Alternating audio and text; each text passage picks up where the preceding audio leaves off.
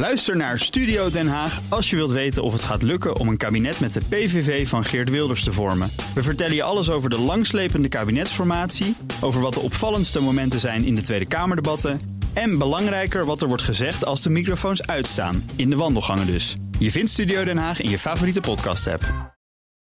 De column van Bernard Hammelburg. Als Donald Trump de Amerikaanse verkiezingen wint, kan dat Nederland zomaar ruim anderhalf miljard euro kosten. Hoe kan dat nou weer? Omdat Boris Johnson kennelijk voor een no-deal Brexit gaat als Donald wint. Het verhaal uit de Britse Observer komt erop neer dat Johnson voortgang in de Brexit-onderhandelingen probeert te traineren, omdat hij de uitslag van de Amerikaanse verkiezingen afwacht. Als vriend en Brexit-supporter Trump wint, zet hij volledig in op een handelsovereenkomst met de Verenigde Staten en laat hij Europa verder schieten. Dat zou een bewuste keuze voor een no-deal Brexit betekenen en dus een kolossale schadepost voor de EU-landen, waaronder Nederland. Kost ons dus, volgens de Algemene Rekenkamer, op zijn minst anderhalf miljard. Volgens het artikel in de Britse Zondagkrant maakt een overwinning van Joe Biden de omgekeerde optie mogelijk, namelijk een handelsverdrag tussen Europa en Amerika.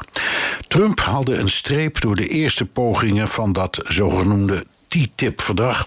Maar Biden zou de draad weer kunnen oppakken. Dan hebben de Britten het nakijken.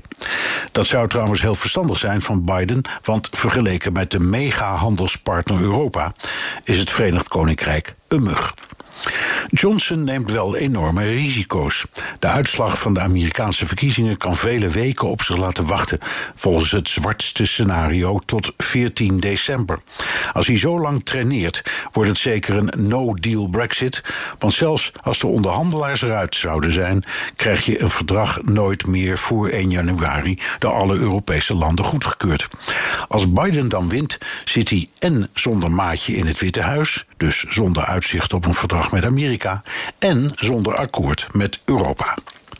De onderhandelaars geven nu juist tekenen dat er weer een beetje schot in komt. De Ierse premier Varadkar ziet iets dat op witte rook lijkt.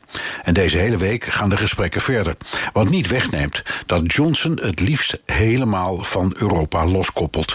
En dat de kans dat Donald Trump gaat winnen aanzienlijk is. Dus zo'n Boris en Donald show zit er misschien best in.